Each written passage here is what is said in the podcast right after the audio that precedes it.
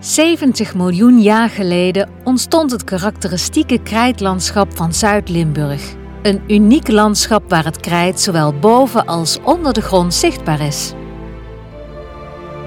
Vanaf 250.000 jaar geleden tot op de dag van vandaag wordt het gebruikt voor het bouwen van bijvoorbeeld kastelen en huizen op allerlei manieren.